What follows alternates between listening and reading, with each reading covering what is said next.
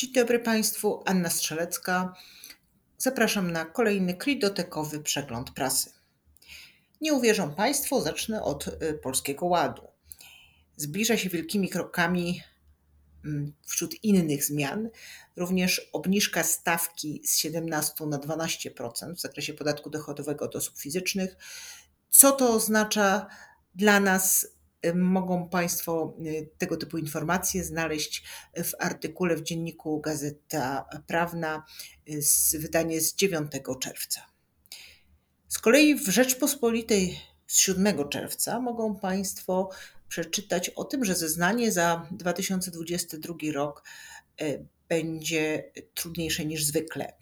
No tak będzie, ponieważ te zmiany, które e, pojawiają się i nie ustają w tym roku, zmuszają zarówno płatników, jak i podatników do dodatkowego e, wysiłku. Także e, ci z Państwa, którzy właśnie skończyli zeznania za 21 rok i chcieli odetchnąć, myślę, że powinniśmy się powoli psychicznie przygotowywać już na kwiecień 2023. E, Polski Ład wprowadził również nowe obowiązki i terminy w cenach transferowych. Szczegóły w tym zakresie e, znajdą Państwo w Rzeczpospolitej e, w artykule w wydaniu z 7 czerwca. Również Polski Ład spowodował, że y, co niektórzy będą rozważać wycofanie nieruchomości z działalności gospodarczej i opodatkowanie y, przychodów z tego tytułu ryczałtem mm, ze względu na ograniczenia w zakresie możliwości rozpoznawania kosztów związanych z najmem nieruchomości. I w myśl y, stanowiska skarbówki takie wycofanie i opodatkowanie ryczałtem będzie możliwe.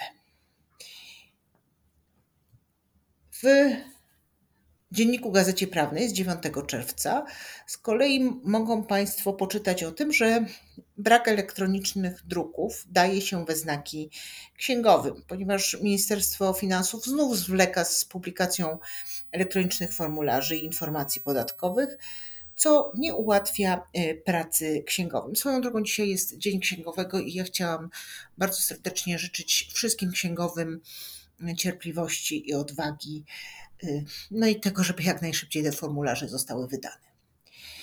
Kolejny artykuł, który e, płynnie wiąże się z poprzednimi. Mianowicie w Rzeczpospolitej z 8 czerwca mogą Państwo przeczytać o tym, że sesje e, psychoterapii, prowadzenie sesji psychoterapeutycznych służących zachowaniu zdrowia psychicznego należy traktować jako usługi opieki medycznej zwolnione z VAT. Te sesje myślę, że są bardzo pożądane w tym roku e, ze względu na nie powiem co.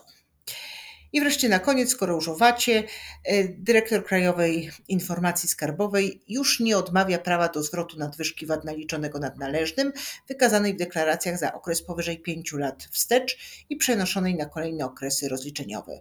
Szczegóły znajdą Państwo w artykule w Rzeczpospolitej z 7 czerwca 2022 oczywiście. Bardzo dziękuję i do usłyszenia w następnym wydaniu naszego przeglądu.